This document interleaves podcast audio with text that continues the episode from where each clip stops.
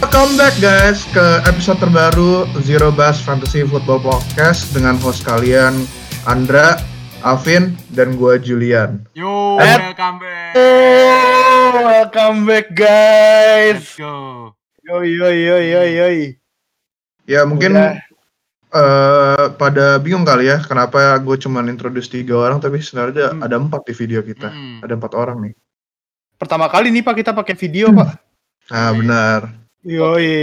Season season fantasi baru Zero Bus juga kudu berbenah ya. Selain membenahi tim uh, fantasi masing-masing, eh, kualitas konten Zero Bus juga kudu dibenahi. Yoi. Harus improve terus tiap tiap hari. Mantap. Se- sebelum kita kejauhan mungkin eh, kita mesti perkenalin dulu ya tamu kita Hmm. hari ini siapa. Yoi yoi yoi yoi yoi. Ada siapa nih hari ini? Ya, jadi kita hari ini ada Nuha eh, yang bakal ikut join di episode ini sama episode ke depan yang ngomongin tight end. Kita episode ini bakal ngomongin wide receiver. Jadi Yoi. eh, Nuha ini mungkin kita bisa bilang expert kita di dalam rookie prospects. Oh. Eh, Hmm. Yaudah Nuh, lu oh, inilah introduce yourself lah. Mm. Oke. Sup guys, halo semua pendengar Zikobas. Kenalin namaku Nuha. Gue namaku kalau di OC, di OC Fantasi, OC Fantasi namanya angkringan domba. Oh. Jadi kalau misalnya kalau ketemu sama gue ya siap-siap aja buat kalah sih buat musim depan. Widih. Oh, good. Siap, Gokil. siap. Langsung trash talk. ini dia ini dia trash talk ini dia. tapi kalau kalau yang buat udah sering nonton NFL fans Indonesia konten YouTube NFL fans Indonesia Nuha nih akhir-akhir ini lagi sering muncul ya lagi sering ada ya. Iya lagi, jadi lagi, lagi- harusnya harusnya no need for introduction sih kalau emang iya, nonton iya. iyo Eh, familiar lah. Oke. bahas apa Jul hari ini Jul Oke, eh jadi tapi jangan sebelum bahas apa dulu Kenapa? Fantasy season udah mau mulai ya Iya udah mau mulai. Iya. Ya jadi kalau yang ada di open chat kita pasti bakal tahu ya kalau kita udah ma- malah udah tutup pendaftaran ya buat ikut liga Udah. reguler kita. Jadi eh, yang masih terbuka itu liga newbie kita. Jadi buat orang-orang yang baru ikutan fantasy atau baru tahu fantasy pengen ikutan tapi takut eh, ketemu orang-orang kayak Nuha yang klaimnya udah experience eh, mungkin bisa ikutan liga newbie karena di sana bisa belajar kayak fantasy kayak gimana kayak Yes. belajar bareng-bareng yang lain yang baru terus juga kalau ada pertanyaan bisa langsung nanya di OSI Yes. Fantasy dan kita bakal bantu jawabin. Terus juga bisa dengerin of course podcast kita ya. Biar Yes, yes. ngerti gitu kayak pemain-pemain dan kayak gimana sih cara main fantasy terus gimana cara bermain gitu. Jadi karena fantasy itu seru banget dan it's a good way to like learn about uh, players outside your team. Jadi kayak terus bikin nonton tuh tambah seru gitu bahkan game yang bosenin aja bisa seru banget gitu nontonnya Iya, Pak. Nah, Demi fantasi itu. demi ngeliatin poinnya nih, siapa yang touchdown. Iya, benar. Nah, Betul, betul, betul. Dan kalau menurut gue ya, kalau misalnya ikut fantasi itu benar-benar menambah skill lu tentang NFL itu sendiri sih. Iya, lu jadi tahu pemain Hmm. ini tuh di mana. Jadi tahu, iya, bener, tahu. bener. Belajar fantasi itu lu bisa tahu statistik. Lu harus-. Lu nggak, Heeh, Mm-mm. Statistik. lu harus bisa analisis lebih dalam dari sekedar apa yang lu lihat di lapangan sih. Yoi. Itu yang gue suka dari fantasi sih. Iya. Yang Oh, awalnya yang mau- benar-benar nggak tahu sama NFL jadi tahu segalanya tiba-tiba. Hmm. Hmm. Gue mau nambahin nih, jadi di tahun ini kita ada beberapa liga yang resmi dari NFL Fans Indonesia. Ada Yes. lima, eh, lima liga reguler yang nanti pemenangnya Mhm. bisa dapat hadiah ya dari para admin-admin. Terus ada League, terus ada Liga Champion itu liga di mana kumpulan juara satu sama runner Juara. up Liga Fantasi tahun lalu ya. Terus ditambah ada gua sama si Julian untuk jadi komisnya. Terus itu buat kalian yang mau join, yang udah dibilang sama Julian tadi ada Liga Newbie. Yes. Kalau kalian gak mau ketinggalan info-info soal fantasi, info-info soal apa yang lagi kita lakuin NFL Fans Indonesia, jangan lupa aja nanti eh, cek sosial media NFL Fans Indonesia ada di bawah, sama join lah ke open chat fantasi NFL Fans Indonesia Yo, biar yo. langsung Betul. bisa tanya-tanya langsung. Kita Oke, langsung jadi- masuk nih.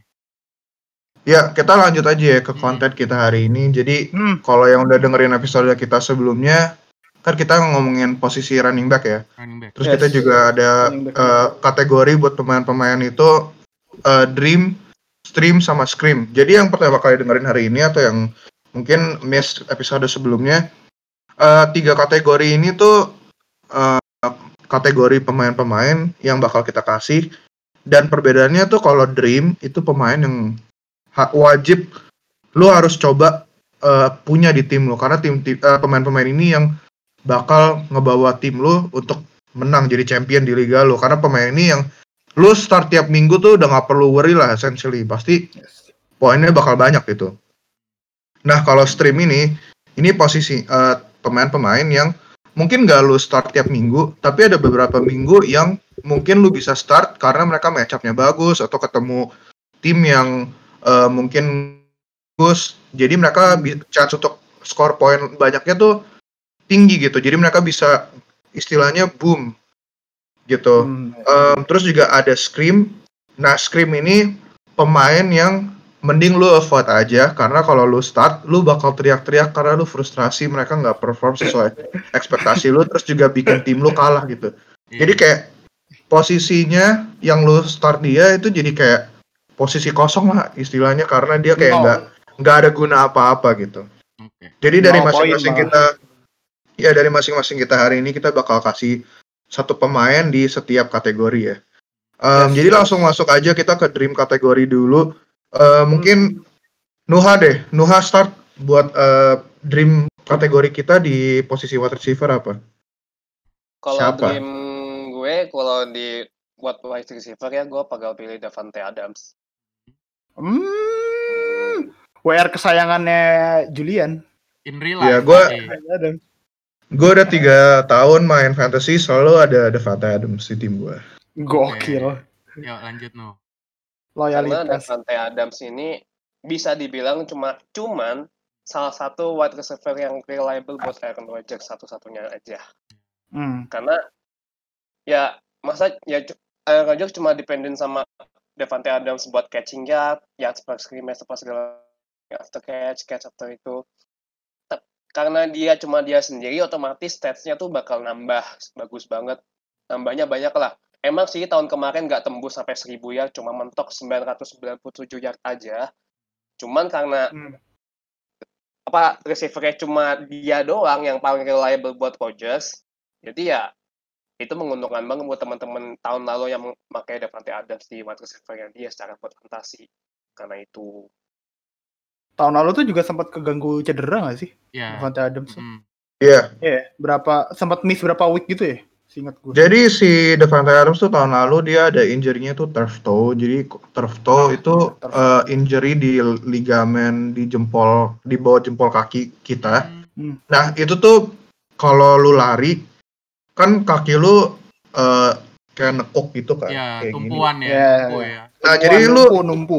numpunya tuh di paling banyak tuh be- bebannya di di jempol kaki gitu. Jadi kalau lu ada turf toe injury itu sakit banget dan kalau lu ngekat gitu kan perlu juga explosive explosiveness-nya tuh tumpuannya di jempol kaki kan. Jadi kalau sakit tuh lu ba- bakal susah untuk kayak cut dan si Devante Adams ini salah satu weapon terbaik dia itu eh cuts-nya dia biar dia bisa gain separation dari cover. Jadi itu ngeganggu banget dan dia kan miss em, kayaknya kalau nggak salah tiga game atau empat game gitu eh, nggak main sama sekali. Terus Ah. juga pas baru balik perlu beberapa game buat kayak adjust gitu. Tapi walaupun dia Uh, injury yes, juga yes. tetap performance-nya bagus banget sih. bagus banget dan di di musim sekarang di, dia dikasih rankingnya cukup tinggi sih di peringkat wide receiver makanya itu gue milih Iya. dia sebagai di dream. Oke. Sebenarnya gua- ada ada gua bagus sorry. ada bagusnya. Ah ya ya, Najul, Najul. Ya, gue mau nambahin aja kalau personal experience gue dengan Devante Adams tiga tahun ini gue selalu dapetin dia di second round tapi kayaknya this year nggak bakal bisa keambil sih dia di first round eh di second round Oke. kayak Oh, abis first abis abis first first round udah round. hilang Hmm. Hmm. Tapi ada berarti ada ada hikmahnya juga ya buat pemain fantasi si Packers nggak nge-draft WR sama sekali tahun ini anjir. Benar. Tapi buat pemain fantasi buat IRL sih deg-degan fans anjir. Buat fans Packers kesel sih. Iya, iya. Iya. Deg-degan sih IRL mah. Malah Ah, ngepick Jadi Ibi ya. Kibi, habis Iya. itu running back. Wah, gila. Iya. Sebat. Dra, lu next deh. Siapa di posisi wide receiver? Dream gua di posisi WR. Ini WR yang juga gua sempat andelin beberapa minggu awal gua eh, fantasi tahun lalu sih. Eh DeAndre Hopkins eh dia ini baru pindah tim ya ke Cardinals. Cuma kayaknya gua lihat-lihat eh, skema yang dimainin di eh, of- Arizona Cardinals bareng sama Air Raid eh, nya Cliff Kingsbury itu bakal sangat menguntungkan uh, DeAndre Hopkins sih. Uh, mungkin dia nggak pindah ke QB yang lebih bagus, mungkin setara lah dari Watson ke Kyler Murray. Cuma Kyler Murray ini bisa aja se- second year-nya dia bakal meledak. Kita udah lihat QB kayak Lamar Jackson second year-nya meledak. Kita udah ngelihat uh, Patrick Maho- Mahomes Hmm. di second year juga meledak. Nah ini Kyler Murray ini bisa aja nih ngikutin uh, pattern di situ. Nah kalau uh, masalah kompetisi di Cardinal sendiri, kayaknya dia bakal masuk langsung sebagai uh, WR1 gitu. Dia bisa ditempatin di slot, dia bisa ditempatin di uh, wide, jadi uh, dia bisa jadi WR yang versatile juga di offense-nya Cliff Kingsbury. Makanya dia bakal dapat volume yang volumenya mungkin bakal turun ya dari apa yang Texans karena di Texans dia bener-bener jadi WR1 yang absolut tapi kayaknya nggak bakal turun sejauh itu sih eh, buat gua. Di di mana? Di Cardinals. Dia masih top 3 WR out there sih buat gua. Tapi recent news ada kabar Hmm? Hopkins hamstringnya kambuh-kambuhan lagi nih. Menurut lu gimana, Ndra? Masih berani ngambil Hopkins nggak nih? Tiga hari nggak latihan. ah tiga hari nggak latihan Tiga hari lah nggak latihan. masih ada tiga minggu sih sampai season Iya sih masih tiga. Kalau sekarang gue harap uh, dengan segala macam protokol kesehatan yang diterapkan di training camp ya semoga uh, ada perkembangan yang lebih baik juga gitu uh, dari Hopkins. Semoga aja sih. Semoga ya. Soalnya Hopkins di kalaupun cedera Mhm. ya semoga nggak terlalu lama lah. Oke. Eh, Terus Pin lu deh Pin. Siapa Pin? Dream lu Pin. Oke, lanjut ke gue ya. Dream gue Ah lanjut lu deh. Julio Jones dari Atlanta Falcons. Jadi kenapa Julio Jones? Menurut gue dia salah satu Julio pemain yang Jones. konsisten ya dari season sophomore-nya dia. Dia itu hampir gak pernah miss game, miss pun cuman satu dua gitu, satu dua game saja itu pun kayak udah kayak misal terakhir-terakhir atau gimana. gitu. Jadi Hmm. salah satu hmm. WR yang konsisten dan tentu itu nama yang gede juga Julio Jones. Siapa sih yang nggak mau ngambil di fantasi gitu kan?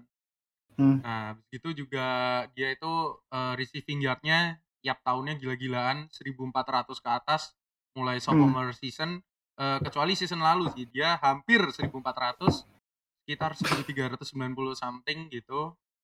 Jadi ya dengan adanya Julio Jones ini juga Falcon kan habis ini ya ngambil TE juga ya sebenarnya ya Hayden Hurst ya. Iya. Tapi ya Iya, Hayden menurut gua eh, menurut gua Julio Jones eh, ini sih tetap bakal primary apa targetnya si Matt Ryan juga meskipun ada sedikit trouble kalau kalian pernah punya Julio Jones di fantasi itu agak apa namanya alergi sama end zone. Tapi Nah, dari iya, Pak. ya, tapi Ah. dari eh, point reception sama receiving yardnya dia lumayan mencukupi sih untuk nutupin poin dia gagal dapat bola di end zone.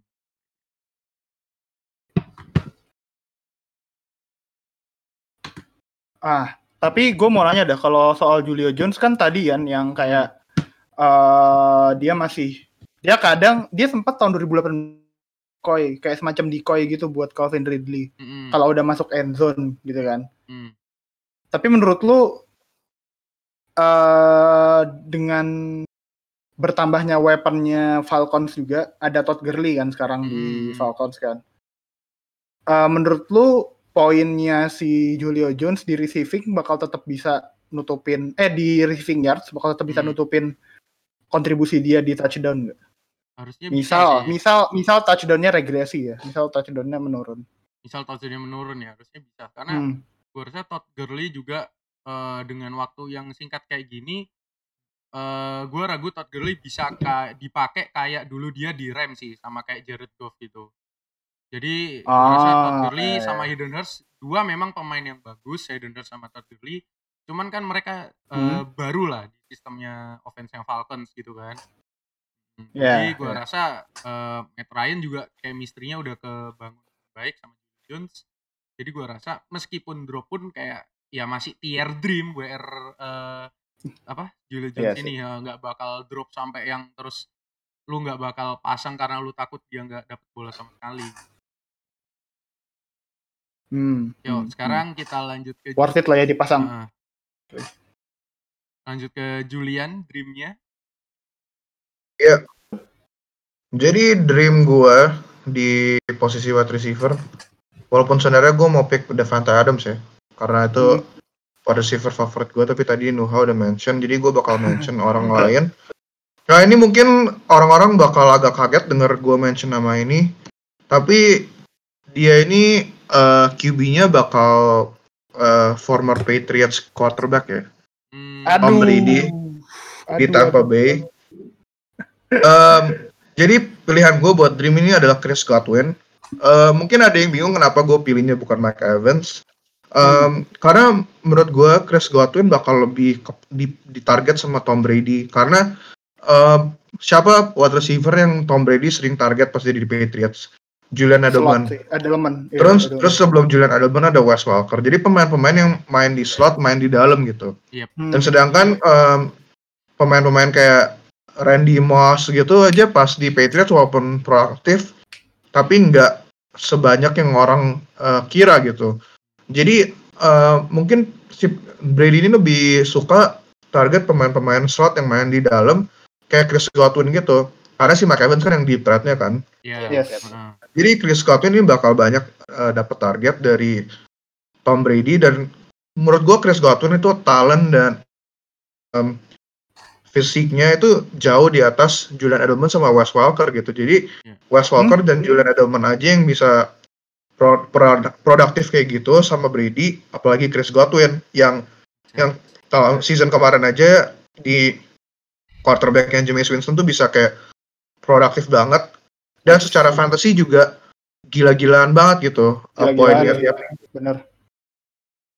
Jadi eh, dream gue Chris Godwin dan menurut gue Chris Godwin di round kedua masih bisa dapat gitu. Jadi kalau orang-orang yang mau pi- pick Chris Godwin mungkin bisa pick running back duluan di first round dan masih bisa dapat em, receiver kayak Chris Godwin di di round kedua gitu. Si Chris Godwin juga punya kalau lu bandingin sama Edelman gitu ya, kayak Chris Godwin ini tahun lalu kalau disuruh main eh, long ball apa long deep threat gitu juga sebenarnya dia punya Bisa. ability itu ya. Dia Bisa. punya ability buat main di long pass gitu ya. Bisa dia Iya, benar. Hmm. Kayak Ya, si. Chris, God- Chris Godwin ini maksudnya walaupun dia main bisa ma- mainnya mungkin banyak bakal banyak di dalam tapi dia juga versatile gitu. Kalau mau main di di sideline jadi possession receiver juga bisa menurut gue dan mungkin juga ada di Hmm. Di disuruh Iya. main uh, deep ya juga bisa gitu.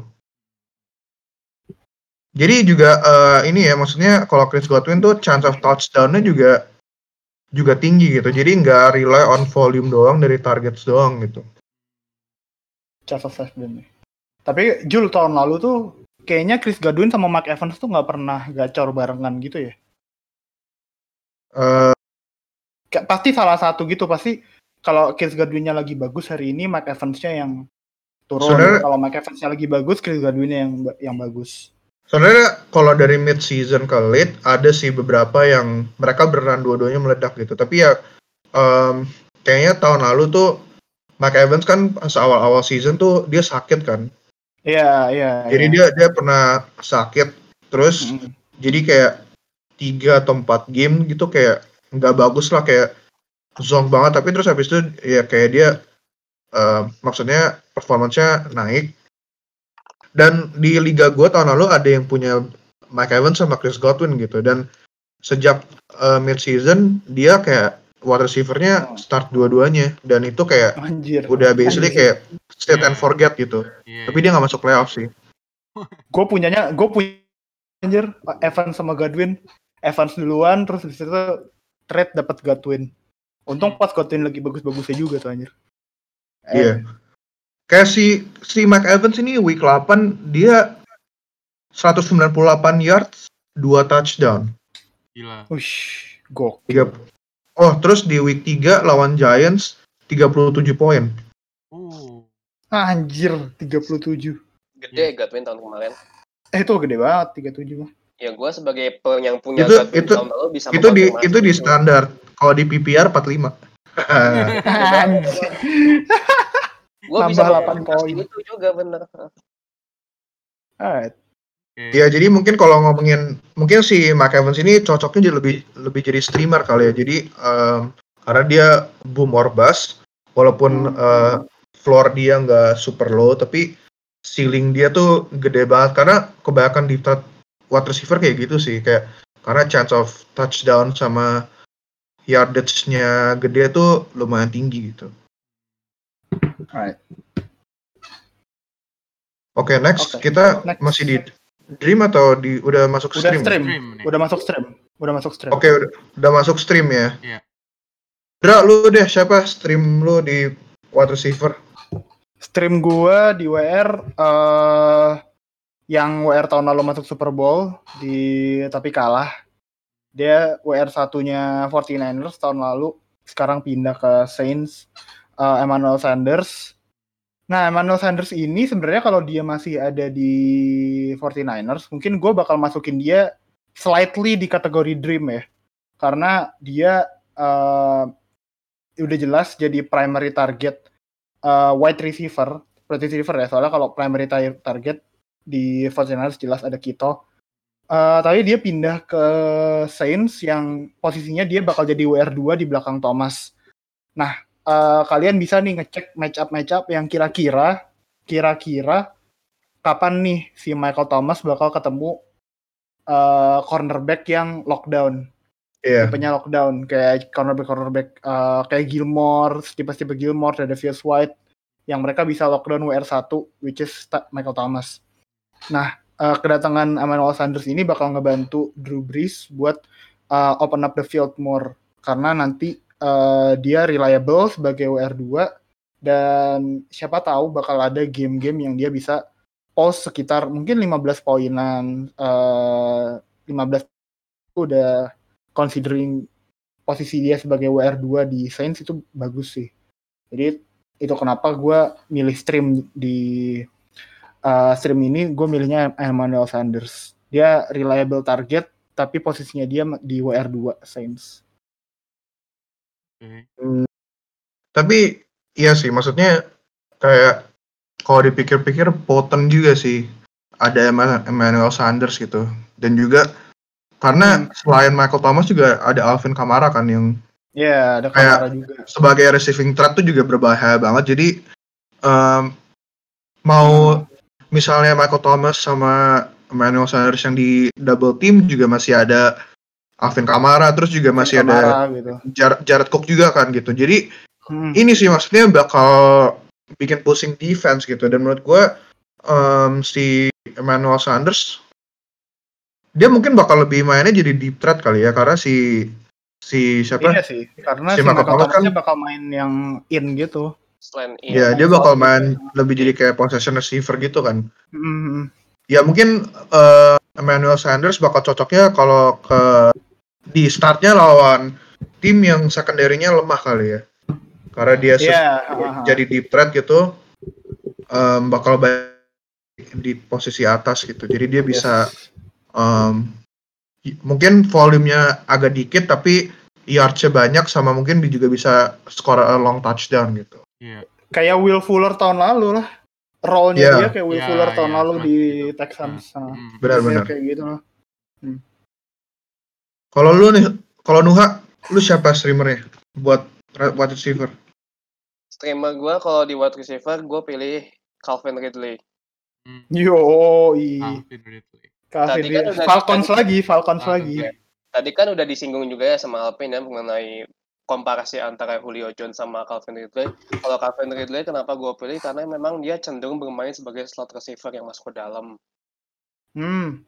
Karena Iya. Julio Jones punya physicality trait yang bagus, jadi dia sering dimainin sebagai di threat. Ya udah banyak banget lah contoh touchdownnya dia yang catcher spektakuler apa segala macam. Nah Hmm. kalau Calvin Ridley ini tahun ke- dia malah jumlah touchdownnya sama dengan Julio Jones, sama Hmm. persis sama 7 touchdown berarti emang Matt Ryan ini lebih suka- lagi seneng main sebagai Calvin Ridley dijadiin ini dijadiin slot atau mas segala macam karena gua rasa emang Calvin itu bakal breakout season sih. Gua rasa bakal breakout season karena ya NFC South sekarang lagi jago-jagonya divisinya lagi uprising banget lah Ya. NFC South Yes, yes, Rebuilding yes. semua. Semuanya rebuilding di entah itu Buccaneers, Saints bahkan Panthers pun juga kedatangan Teddy Bridgewater. Yap. makanya gua rasa bakal at least jadi breakout season buat Calvin Ridley. Tapi tergantung dari jadwalnya sih memang itu. Tergantung dari jadwalnya dari Falcons sendiri gimana. Mungkin bakal kebagi poinnya bakal kebagi sama Julio Jones. Hmm. Tuh, makanya mungkin kalau buat teman-teman fantasi yang mau milih Calvin Ridley, pastiin match up, eh sorry, pastiin jadwal Falcons tuh di jadwal yang enak itu aja. Pas lawan Buccaneers enak sih. Iya dua kali lawan Buccaneers Harusnya. pasang aja Dua kali lawan Buccaneers, dua kali lawan Buccaneers tuh enak sih sebenarnya. cari yang ya secondary-nya yang jelek, yang nggak terlalu oke lah itu udah mangsa banget itu buat Matt Iya. Ryan. Iya, ah setuju. bener-bener banget. Hmm. Apalagi Iya, stream. Iya Calvin Ridley sih emang banyak orang kayak analis gitu pick ya buat jadi um, maksudnya mungkin masuk ke tier 2 wide receiver gitu karena bu I mean dia udah show ini ya his flashes gitu the past two, dari sejak rookie season dia. Tapi juga Hmm. ya si Falcons ini volume volume passingnya tuh yang tertinggi kayak yang tertinggi mungkin tertinggi di di apa di NFL gitu. Jadi bakal banyak banget vo- volume yang ke dia gitu. Karena walaupun ada Todd Gurley ada Julio Jones ada um, Hayden Hurst gitu tapi menurut gue itu semuanya sih bakal dapat share yang lumayan banyak gitu di offense-nya karena emang banyak passing gitu Atlanta emang offense-nya ini ya, pass heavy ya. ya very Offense-nya Atlanta nih. oke move on ke Alpin Oke. Stream gua di sini Deontay Johnson eh, tahun Wih. lalu rookie dari Pittsburgh Gila, Steelers. Heeh. Sebenarnya Ah. namanya nggak terlalu ini sih, nggak terlalu kayak terkenal. Tapi kalau lu perhatiin dia salah satu WR yang lumayan ngangkat offense-nya Steelers juga season lalu. Meskipun eh, season lalu setelah Ben cedera tangannya terus eh, Steelers struggle banget ya sama kibinya gonta-ganti nggak jelas. Hmm. Nah, dia masih bisa eh, put some number lah di statistiknya dia untuk fantasi juga kan berarti eh, dia itu kan satu ini draft sama DK Metcalf dan kalau lihat statistiknya nggak beda jauh sama Metcalf yang punya WR eh, ya top banget lah Russell Wilson gitu kan dibanding waktu si Deontay Johnson di Steelers IB-nya ada David siapa David Hodge terus ada Mason Rudolph gitu kan nah harapannya Iya. di season Mhm. ini dengan kembalinya Big Ben juga eh, bakal naikin dia jadi WR yang dengan poin yang lebih tinggi lagi dari season sebelumnya sih. Apalagi Big Ben udah recover. Terus eh, dari sisi schedule juga karena ini stream wide receiver eh Steelers udah jelas ketemu Bengals dua kali. Terus tahun ini divisinya Steelers juga ketemu NFC East. Kalian tahu kan maksudnya apa NFC. East.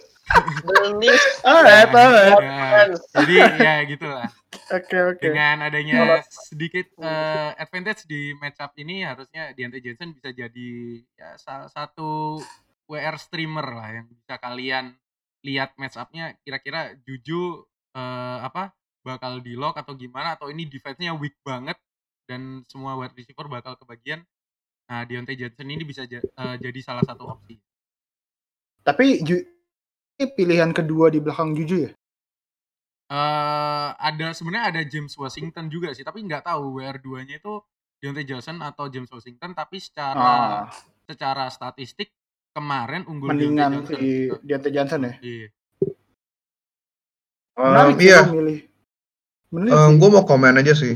Kalau Nah, kayak di Steelers, kayaknya Deontay Johnson kan dia bakal main di deep ya.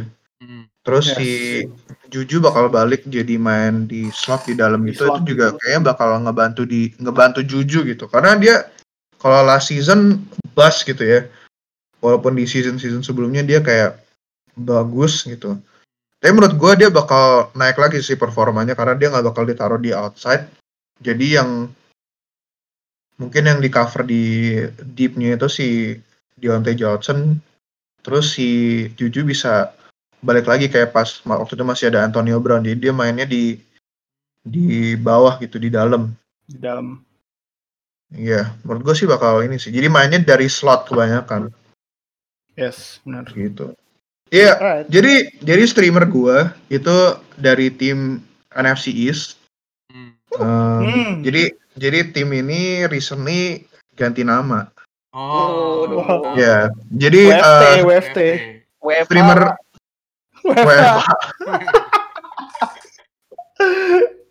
Kalau yang pada nonton last season WTF. Iya. Iya, iya, season kemarin WTF nih Iya, tim. iya, iya. Iya benar sih. Bener.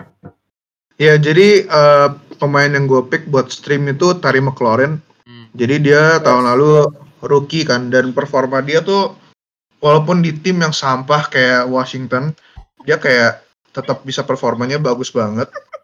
Eh, dan juga kayak mesti deal with yang ganti-ganti gitu. Iya, Tapi iya. si Terry McLaurin ini sebagai rookie wide receiver, dia hampir 100 yards. Kayak dia 900 sem- ya. 919 something. Oh. Hmm. Terus dia contested catch rate-nya 68,4 persen gitu. Berapa? 68,4 di contested catch Oh, rate. oh contested ya. Hmm, contested. Anjir. Jadi uh, Anjir. catch, uh, catch catch yang dia mesti compete sama cornerback sama safety itu dia 68,4 persen dia yang menang gitu. Hmm. Terus dia skor 7 touchdown dan itu uh, 13th overall di antara wide receiver gitu. Jadi ini dia sebagai rookie tuh performanya udah bagus banget ya. Ya. Hmm. Terus menurut gue sih dengan uh, improvement yang gue percaya uh, Dwayne Haskins tuh bakal improve di season. Menurut gue sih um, bakal ini ya, bakal ngaruh juga ke performanya Terry McLaurin.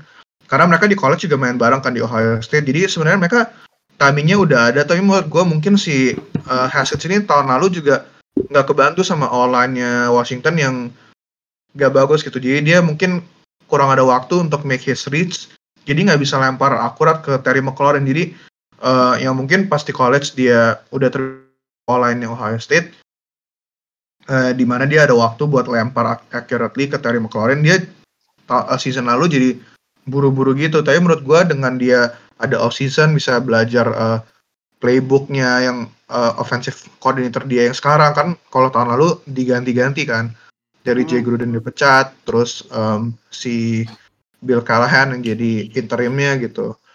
Yes. Menurut gue sih em, si Terry McLaurin ini bakal mungkin dia bisa jadi top 15 wide receiver sih menurut gue overall. Buat Top berapa? secara Top top 15, Top 15. Alright. top 15 buat em, season ini sebagai wide receiver gitu. Oke. Tapi eh siapa? Jul, kalau Yeah. gue lihat nih statsnya si McLaurin sama DK Metcalf, ini lumayan mirip sih. Sama emang. Eh Metcalf tuh 900 rece- reception yard, si McLaurin ini 919. Sama-sama punya 7 touchdown dan sama-sama 58 reception. Apa menurut lu yang upside-nya McLaurin eh, dibanding sama DK Metcalf?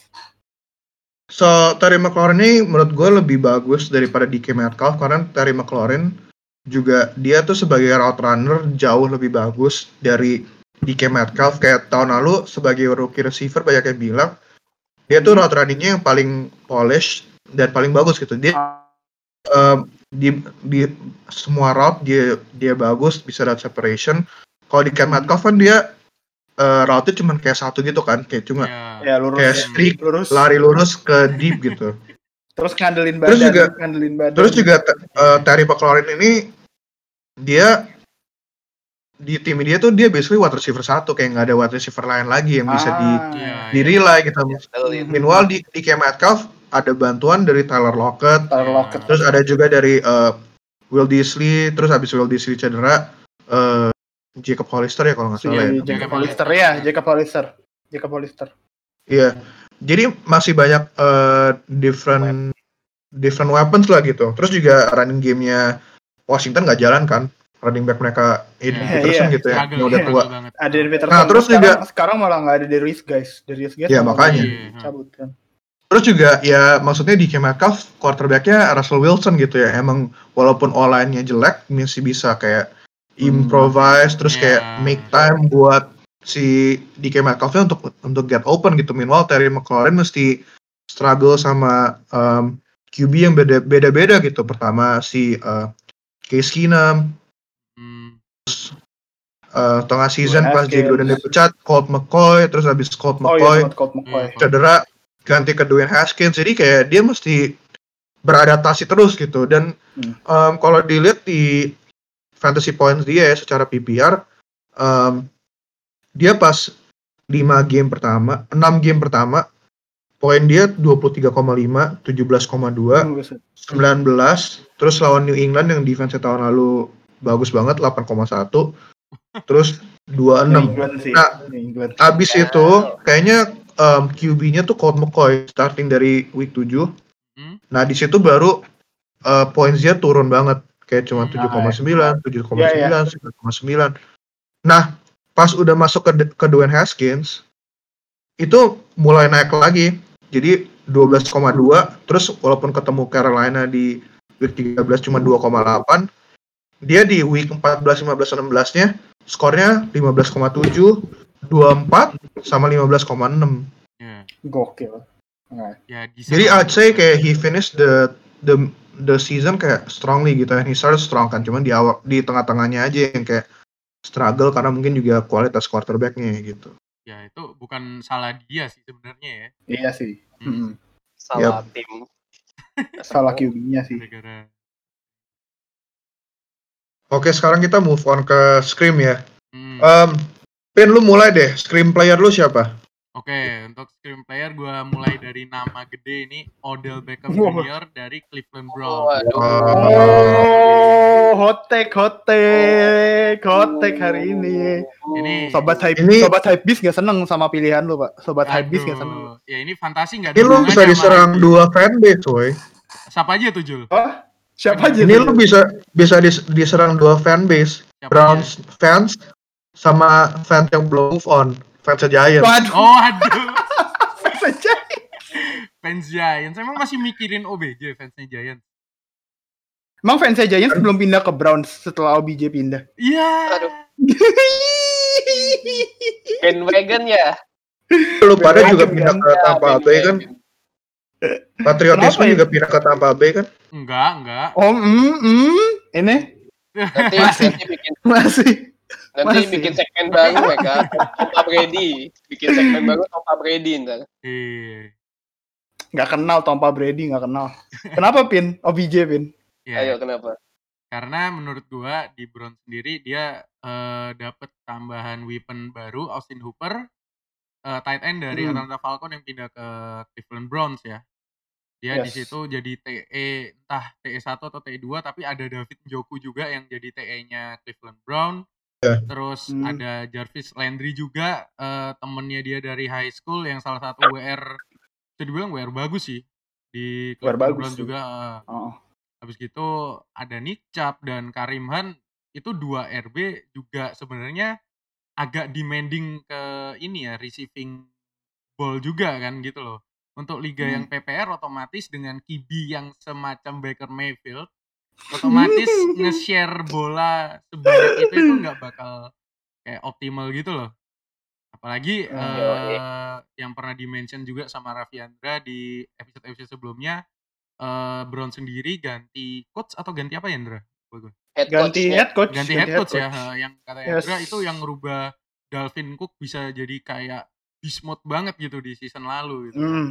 Nah, Hmm, gua rasa hmm. dari situ juga udah kelihatan eh, OBJ ini nggak bakal kayak OBJ yang dulu. Gitu. Itu aja. Tapi tapi kalau itu kan dipengaruhin sama eh, orang-orang di sekitarnya ya. Tapi kalau misal Hmm. raw talentnya OBJ sendiri, menurut lu emang udah regresi apa belum sih?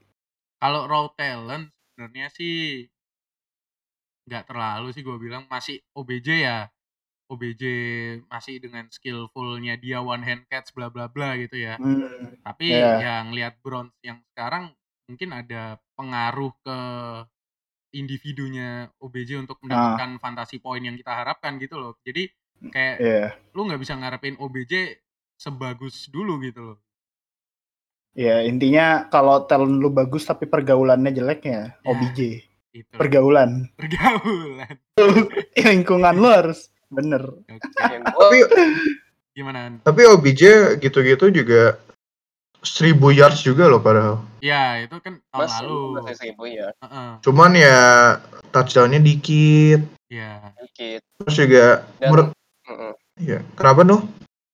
dan gue mau nambahin dikit deh kan Hmm. gue gue gue juga sempat sempat mention juga OBJ itu salah satu wide receiver yang bakal gue prediksi bakal drop ya di podcast Hmm. Zero Knowledge Hmm, gue prediksi karena Oh di Knowledge yang Ken- kemarin. Iya. ya Zero Knowledge kemarin karena gue prediksi bukan prediksi sih jatuhnya karena chemistry sih gue menekankan chemistry antara Baker Mayfield Oh, Betul. dan OB- OBJ itu udah kurang nyetel lah bisa dibilang Iya. dan belum kelihatan. Baker Ya ya ya. lebih, lebih sering ngoper bolanya itu sebenarnya kalau mau dilihat secara data malah lebih cenderung ke Jarvis Landry Jar- Jarvis Landry Hmm. yang cenderung main slot Oh, iya.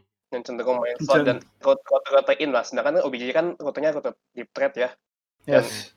ya Baker Mayfield kan decision makingnya juga masih dalam tanda kutip tanda tanya jadi ya makanya kenapa OBJ bisa gagal dalam musim pertama di Browns juga salah satu faktornya karena chemistry Bener banget. Masuk akal sih bener. Menurut gue OBJ nggak bakal se sih. Karena em, dia udah kan dia season lalu tuh main pak ada hernia ya. Jadi, Hmm, Iya iya iya bener-bener ada Menurut gue hernia. sih main main kayak gitu susah banget ya karena kan hernia tuh cedera di bagian core gitu dan lu melakukan segala aktivitas kan perlu core gitu. Iya. Hmm. Dan pasti kayak buat lari aja tuh pasti sakit banget. Karena gue pas dulu juga tiap kali mau season mau mulai, pas season rugby mau mulai, kayak gue selalu disuruh cek her- salah satu em, health testnya tuh dicek hernia gitu, ada hernia atau enggak. Ah.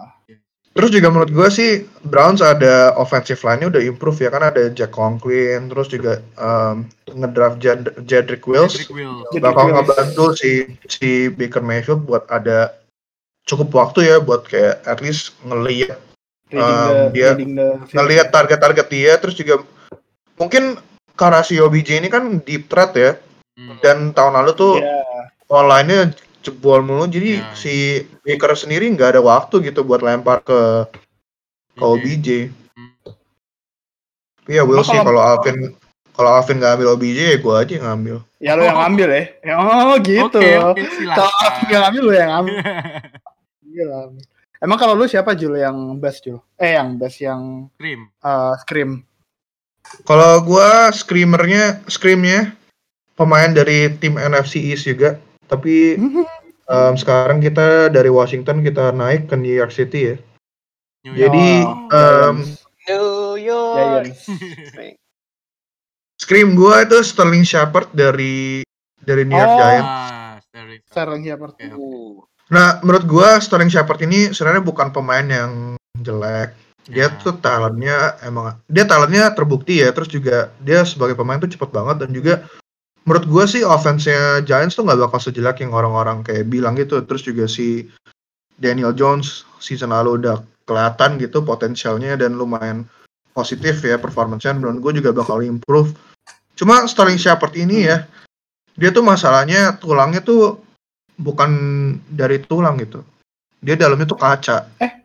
Kayak Dia tuh concussion, concussion. juga. Iya kayak dia tuh injured terus kayak tiap tahun injured mulu kayak dari pas gua main pertama kali main fantasy kan dia kayaknya itu rookie season dia ya.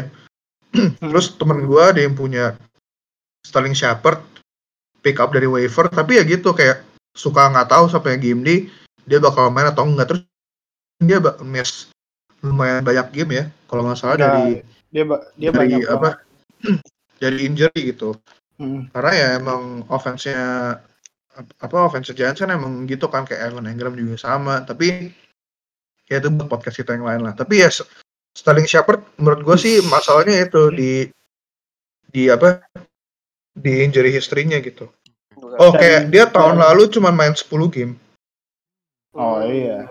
Tadi. Dan pas balik dari injury juga si Giants lebih percaya sama Darius Slayton Oh Iya, iya. sama Iya. jadi Iya, WR-nya Hmm, daripada si Slayton. benar Ada Evan Tapi- Ingram juga kan di sana.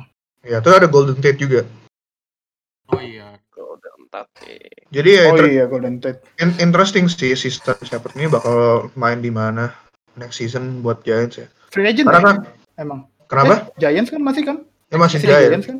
Cuman kan Sl- Slayton bakal main jadi deep, terus Golden Tate kan mainnya dia dari dulu slot kan.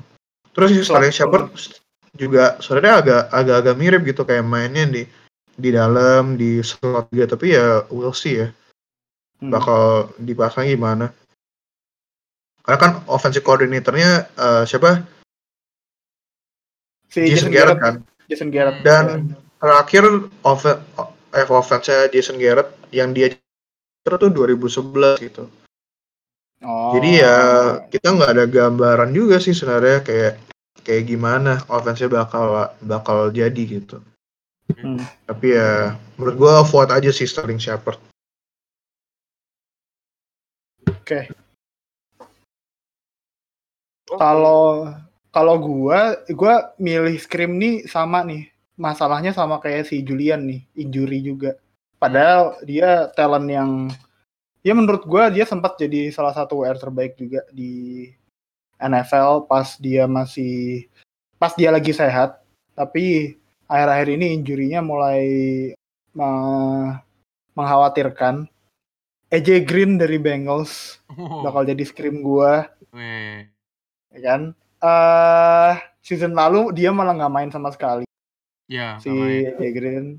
Tahun ini baru aja ada keluar berita beberapa hari yang lalu. Dia katanya bermasalah di ankle-nya. Hmm, which kayaknya itu cedera yang sama kok sama kemarin. Kemarin tuh di laporan cederanya tuh sprain ankle tapi nggak main semusim. Kita nggak tahu cedera dia yang beneran apa. Dan bahkan sampai sekarang udah sembuh apa belum. Terus juga Kibuki eh Joe Burrow yang gue belum tahu sih dia bisa udah secepat ini belajar bareng AJ Green yang gue nggak tahu deh dia masuk training camp apa enggak kemarin. Tapi uh, injury historinya dia benar-benar mengkhawatirkan. Jadi kalau gue sih bakal menghindari sih ngambil AJ Green Iya sih, gue setuju sama lu sih AJ Green karena tahun Hmm. lalu sendiri eh, nggak dikit orang kayak nungguin AJ Green kapan sembuh nih, kapan sembuh. Akhirnya malah nggak Hmm. main satu season sama nggak main sama sekali season. gitu. Nah, gue sempat gue sempat ngambil tuh pas ada beritanya katanya balik kan, gue ambil Hmm. dari waiver lah, gue taruh di bench ya pada akhirnya 0-0-0 oh, ya udah Eh. gue gue buang lagi. Choice. Gua malah nge Gimana no? Eh gimana? eh, kayak pick si AJ Green ini sebagai salah satu sleeper gue ya sebelum dia sebelum beritanya dia ada ham- hamstring injury lagi. oh, Tapi ya gue setuju sih sama Andra sekarang kalau dia udahlah dia vote aja daripada lu kecewa. iya sih. Tahun lalu Iya juga sih. ada di liga gue yang pick AJ Green terus kayak mikirnya terus kayak di PHP-in terus gitu. Iya, bener-bener bener-bener ditahan di bench yang mulu pak. Iya, Heeh. kayak mau ngedrop sayang tapi kalau nunggunya dimainin kelamaan. juga nggak bisa. Iya. Hmm. Nah, Nuha berarti. Oke. Scream. Oke. Tinggal Nuha. Nuha, scream lu siapa? Ini screen gue sebenarnya dari Cooper Cup. Cooper Cup ya. Cooper Cup. Enggak, ini sebenarnya namanya Robert Woods, Robert Woods. Alvin sama Andra ini udah sangat familiar sekali dengan nama ini. Dan gue Waduh. sangat menghindari Waduh. nama ini. Julian Waduh, Edelman. waduh. Wah, Waduh. Nggak bisa, nggak bisa ini. Sekarang gua, tanya deh sama fans Patriot, pernah nggak sih masang Julian Edelman di fantasi? pernah. Nggak pernah, soalnya nggak pernah, nggak pernah dapat kalau gue. Kalau gue minta trade tahun lalu nggak dapat. Gue di Helik pernah pakai Julian Edelman dan ya lumayan lah receptionnya 100 tapi kalau buat season ini gue setuju sama Nuha sih kayaknya Scream. Iya, iya. Coba kenapa nih Tahu. kalau menurut lu Screamnya nih?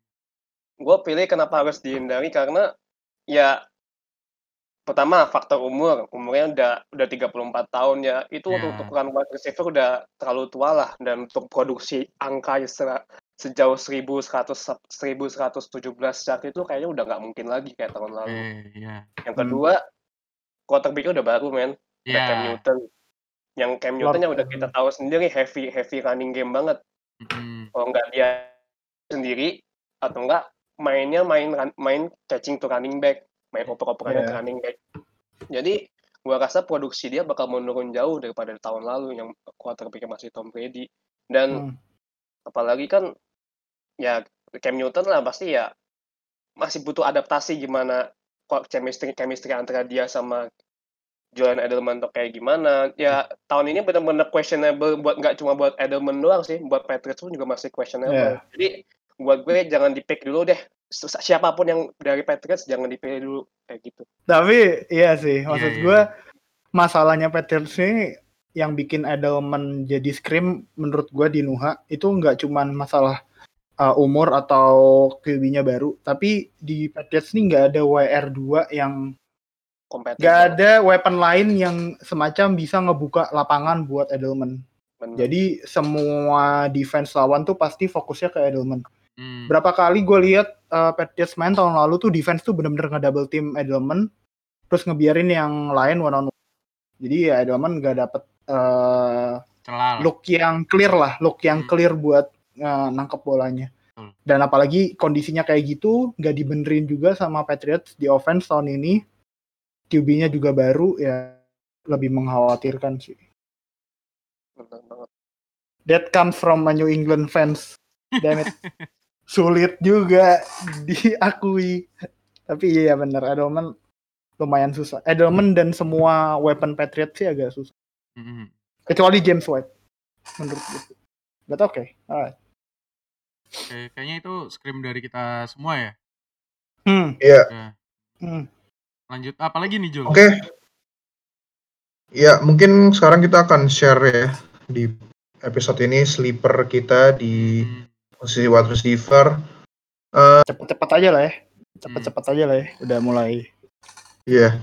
Em, Nuha, Nuha lu, lu deh share siapa sleeper lu di wide receiver ini? Oke, sleeper gue, gue nggak bakal milih salah satu rookie ya dari NFC East. Gue bakal milih Oh. Jalen Reagor for- dari Philadelphia Eagles. Jalen Rieger. Jalen Riga. Jalen. Iya. Nice. Alright. Dia simpen Van Jefferson buat dirinya sendiri. Iya ya. Yang lain-lain disimpan Yang buat lain sendiri. yang gue kasih, ya. Ah. Tapi Oke oke. kalau mau cara realistis, kenapa gue bisa milih si Jalen Reagor? Karena dia sa- satu-satunya target reliable buat Carson Wentz. Ya. Oh. heeh. Betul. Tahun kemarin jelas banget kelemahan Eagles itu adalah di posisi wide receiver. Ya, Nelson setuju. Aguilar, ya Allah, itu buang aja lah pemain kayak gitu. Udah jelek. udah nggak- tangannya udah udah jelek lah gitu. Iya. Tangannya patah. Dan, dan Deshaun Jackson udah tua, udah nggak bisa di ya nggak bisa dependen lagi lah sama wide receiver yang udah tua. Hmm. Makanya kenapa gua pilih Jalen Reagor ya karena itu tadi dia punya skill set di deep threat yang Carson Wentz tahun lalu sangat jarang banget ngelempar bola di deep threat. Hmm. Iya. Eh, makanya- Karena WR-nya nggak ada yang bisa nangkap deep threat juga. Iya. Kecuali. Deshaun Jackson. Deshaun Jackson cedera. Ya, makanya- Bolanya abisnya ke TE-nya semua sih, ke Earth Iya, atau Goddard. Arts atau Goddard ya. bener banget. Nah itu sih. Oke. Menarik. Dan- Good choice, good choice. Oke. Ah. Kalau lu udah siapa sleeper lu? Sleeper gua eh sophomore dari Super Bowl champion Kansas City Chiefs eh Miko Hartman Eh, dia WR yang cepat juga kayaknya Chiefs lagi suka deh sama WR WR yang Iya. uh, larinya cepat ya bisa ngebuka uh, opportunity di lapangan lebih banyak. Uh, dia bisa jadi second option ketika Tyreek Hill lagi Tyreek Hill sama Travis Kelsey lagi ke lock. Michael Hartman ini pilihan reliable juga buat di buat jadi targetnya dia. So ya yeah, kita lihat juga beberapa di musim kemarin uh, dia bisa jadi deep threat si Michael Hartman dapat uh, receiving yards yang lumayan tinggi dari volume yang lumayan sedikit. Jadi uh, buat gua Miko Hartman bisa jadi pilihan sleeper. Oke. Okay. Legend of Zoom ya. Legend of Zoom. Oke. Okay. Legend of Zoom. Tyreek Hill, Miko Hartman sama DeMarcus Robinson kalau DeMarcus Robinson. Legend of Zoom. Legend of Zoom. Oke. Okay. Oke, okay, kalau lu Pin, Oke, kalau sleeper gua dari NFC juga dari Dallas Cowboys. CD oh. Lamb dengan nomor oh, keramatnya ya, keramat 88 yep. ya itu nomor paling wide receiver paling ini di Cowboys ya. Iya. Yeah. Hmm, Kayaknya jadi kita dari tadi sering banget nyebutin NFC East ya. Iya. Aneh, either itu good atau bad pokoknya NFC East sudah. iya iya. Pokoknya NFC East nih dinamiknya. Iya, iya. Tapi tapi jangan salah, Ajaib. NFC East itu salah satu divisi yang paling bagus sih, paling banyak juara Super Bowl sih. Iya. Yeah. Iya, terus in the past but next. In the past. Oke. okay. Terus kenapa si Dilem? Ya karena gua rasa dia juga WR yang waktu itu best available dan dia langsung diambil sama Cowboys. Uh, Cowboys juga nambah ininya lagi ya senjatanya karena sebelumnya wide receivernya yang reliable cuman ada si Amari Cooper Amari gitu. Cooper. Uh, mungkin dengan ada tambahnya si Dilem ini juga uh, mungkin ngurangin poinnya si Cooper tapi bisa si Dilem ini menjadi WR yang targetnya si Doug Prescott gitu loh. Jadi kayak yes, tahun yes. kemarin itu kan uh, ada Amari Cooper sama satu lagi uh, ada kayak apa ya Randall Cobb terus Stephen Austin Randall ada Michael Gallup. Siapa lagi ya? Michael uh, Gallup. Ya, Michael Gallup gitu. Mungkin di sini cocok lah si si Dilem jadi sleeper. Ada yang bilang justru kayak si Jerry Jones pick hmm. si Dilem biar kayak a big a big middle finger ke Eagles gitu. Kan Eagles pick habis Oh ya, Cowboys Eagles, kan. Eagles iya, iya. jalan Rigger, Pak. Eagles Iya, terus kan mereka mereka kan perlu oh. perlu wide receiver kan. Jadi si Jerry Jones kayak udah ambil aja si Dilem. Kayak sebenarnya nggak butuh-butuh amat finger. gitu. Nggak butuh. Iya benar Nggak butuh-butuh banget. Cuma damn keren yeah. banget itu move. Oke, okay, last but not least Julian, sleepernya siapa? Iya.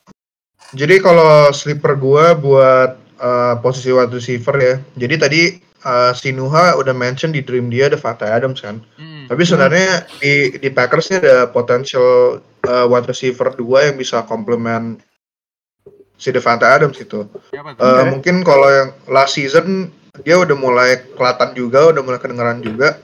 Alan Lazard sih uh, sleeper gue. Oh, iya. Dan kenapa gue pilih dia? Karena menurut gue dia ada potensi secara secara fisikal dia tuh bagus banget kayak dia gede, kayak dia tingginya hmm. hampir 2 meter dan juga badan dia gede gitu. Jadi dia oh, iya. Uh, cocok jadi uh, possession receiver gitu yang bisa um, compete 50 -50 buat 50-50 50-50 ball terus juga ball. di red zone tuh bisa jadi target yang cocok buat Rodgers gitu karena dia tinggi jadi um, bisa ini kayak ngebox out sama ngebody kayak pemain yang bakal ngecover dia dan juga dia walaupun undrafted free agent ya tapi hmm. dia pas di Big 12 pas main di Iowa State tuh kayak bagus banget kayak kayaknya kalau nggak salah dia All American deh jadi emang terbukti gitu, oh, gitu uh, bagus, terbukti talentnya gitu. Dan hmm. kayak di off season ini bakal lebih banyak uh, dapat reps dari barang Rogers menurut gue sih timing timingnya mereka bakal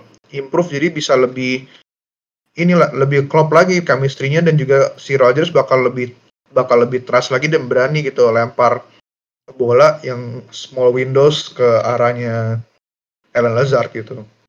Jadi mungkin ya mungkin kalau di start tiap minggu jadi wide receiver agak risky tapi menurut gue dia di start jadi flex lumayan sering sih menurut gue bakal bisa sih gitu. Hmm. Oke. Cool, cool. Ini sebanyak in, apa eh, 2020 ini juga WR rookie class kan lagi bagus-bagus banget ya. Iya, Jadi bagus. selain selain sleeper-sleeper yang kita bilang tadi coba lihat di benar sih rookie-rookie yang tahun ini siapa tahu bisa ngebantu banget eh, tim lu eh, menangin match up lu weekly sih. Masih ada Iya. masih ada Justin Jefferson, masih ada T. Henry. Higgins di Bengals, masih ada Henry Ruggs. Mm-mm. Banyak banget sih WR rookie. Broncos punya dua, ada Jerry Judy sama KJ Hamler. Oh iya, sama kayak J. Hamler. Kan ada Justin Jefferson juga di Vikings. Betul. Ya itu juga menurut gue bisa potential gitu. Hmm. Terus juga di Ra- Raiders juga ada beberapa ya rookie wide receiver ya selain Henry Ruggs. Raiders Ada, tuh ada. Ada- mau ada- draft 3 ada- WR berturut-turut mah. Iya iya iya bener banget. ada ada satu Iya, lagi namanya Bowden Nah ini nih nih, rookie expert gimana? Siapa? Siapa aja? Noh?